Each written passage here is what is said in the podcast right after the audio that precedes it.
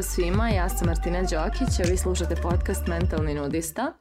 Nalazimo se u epizodi broj 48 i u ovoj epizodi malo ćemo da pričamo o tome da li ste izabrali ko ste, odnosno ko planirate i želite da postanete, jer ukoliko niste, postoji velika vjerovatnoća da donosite odluke koje nisu usklađene sa nekim vašim ciljevima. Odnosno, što bi rekli stari ljudi, da ubudale trošite vrijeme, odnosno donosite odluke koje nemaju veze s tim šta je vama važno. I pričali smo malo ranije i o nekim e, drugim kriterijima za donošenje odluka poput naših e, vrijednosti. A sad ćemo malo da pričamo o tom e, načinu, odnosno pristupu kreiranja koraka daljih u životu na osnovu toga koja verzija sebe smo odlučili da postanemo, odnosno šta smo izabrali, ko, ko želimo da budemo u narednih godinu, dve, pet. I e, opet inspiracija iz razgovora e, s jednom prijateljicom koja radi u kompaniji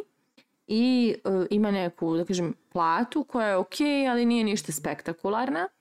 I baš je razmišljala nedavno da pokrene neki nešto sa strane da počne da radi neke nešto po internetu što je našla šta bi mogla da preprodaje, prodaje i tako dalje da bi zaradila nekog dodatnog novca. I dok smo pričali, e, došli smo do toga u suštini da je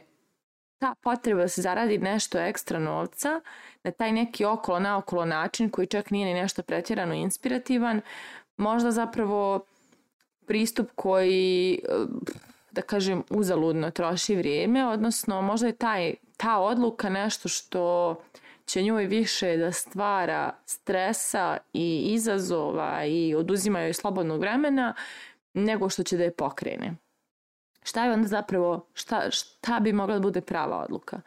Pa to da odluči ko želi da postane. Ako želi da radi u kompaniji,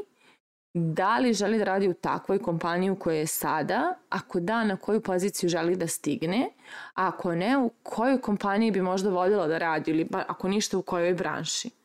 Ako, ako je neka druga branša u pitanju ili neka druga pozicija, šta joj nedostaje da postane ta osoba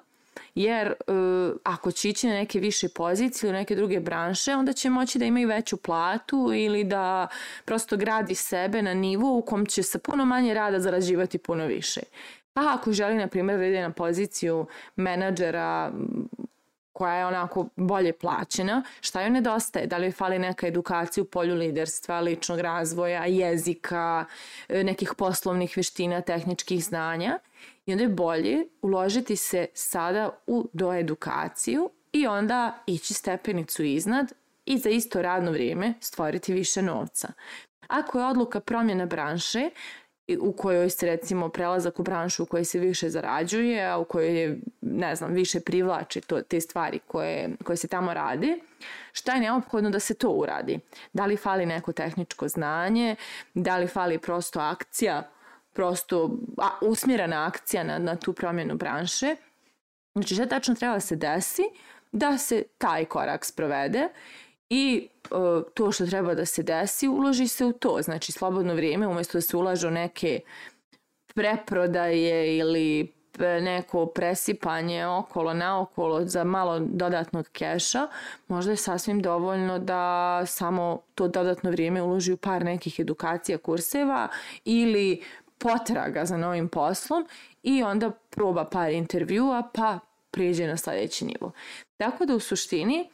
e, ja kada sam pričala sa njom baš sam i rekla za sebe moj izbor i kako ja sebe vidim, ko sam ja odlučila da postanem. Ja sam odlučila da postanem uspješna preduzetnica s jedne strane i s druge strane neko ko kreira neka super djela, bilo da su to knjige, podcasti, videa, postovi, što god to bilo, znači što god me inspiriše i vuče, ali ja sam izabrala i čvrsto odlučila da budem to. I tačno imam scenu sebe kako sjedim u svojoj kući, u svojoj radnoj sobi, na spratu, sjedim za kompjuterom, pišem knjigu, neku petu, treću, nebitno,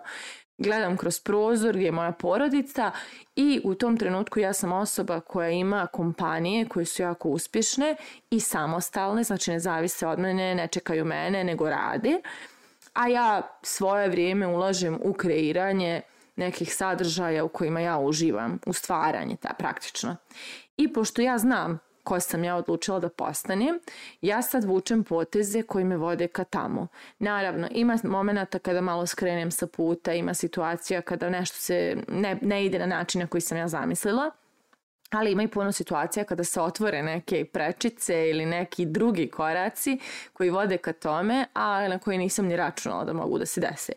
Tako da, s obzirom da je to moja odluka, kad su dešavale krize, a dešavale su se da recimo firme ne rade dobro, da nemam da, ono, da sredstva i financijska primanja nisu dobra u firmama, moraš da platiš radnike, ne ostane ti za tebe i tako dalje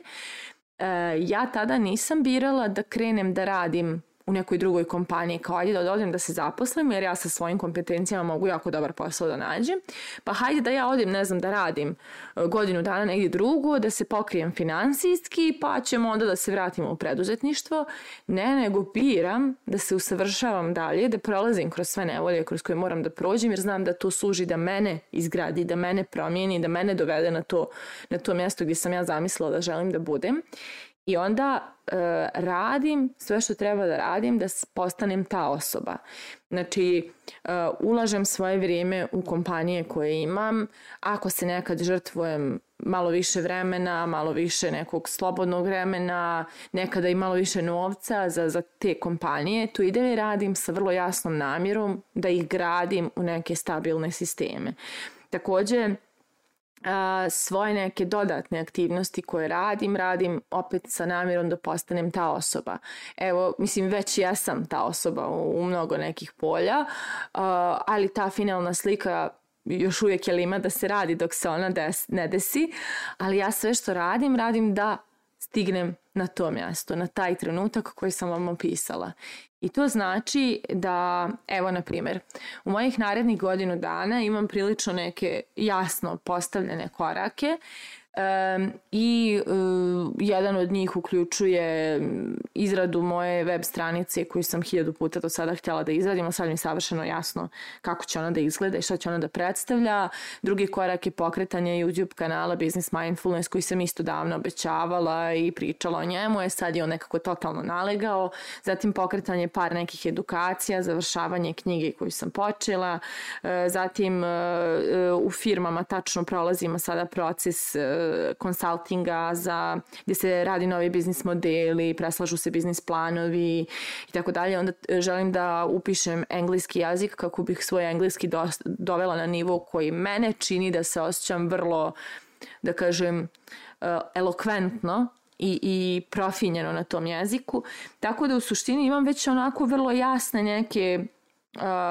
smjernice šta sve treba da radim i u šta sve ja treba da ulažem svoje vrijeme, odnosno želim da ulažem svoje vrijeme da bih postalo to koje sam izabrala da postanem. Kada nemamo tu viziju ko želimo da postanemo, uglavnom onako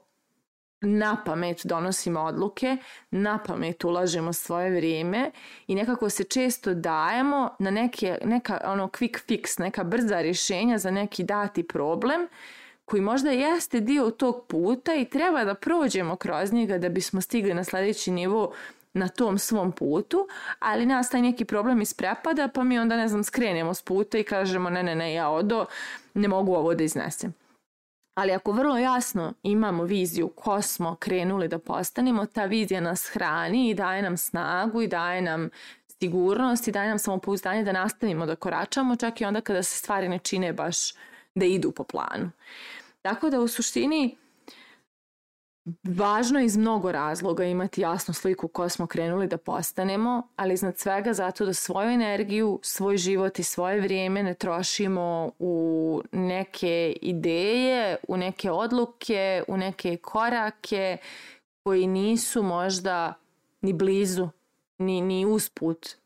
na, uh, ni, ni, ni, ni, ni malo u skladu s onim što mi želimo da postanemo, nego su samo u skladu s nekim trenutnim izazovom koji imamo, pa ono hoćemo na brzinu to da zamaskiramo. A za sve postoje načini znači, koji su usklađeni s nama. Za svaki izazov postoji rješenje koje je potpuno u skladu s tim ko smo mi krenuli da postanemo.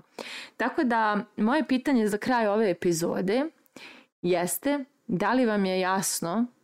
ko ste odlučili da postanete ili dalje lutate i donosite odluke na pamet. Mislite o tome, a mi se družimo u narednoj epizodi.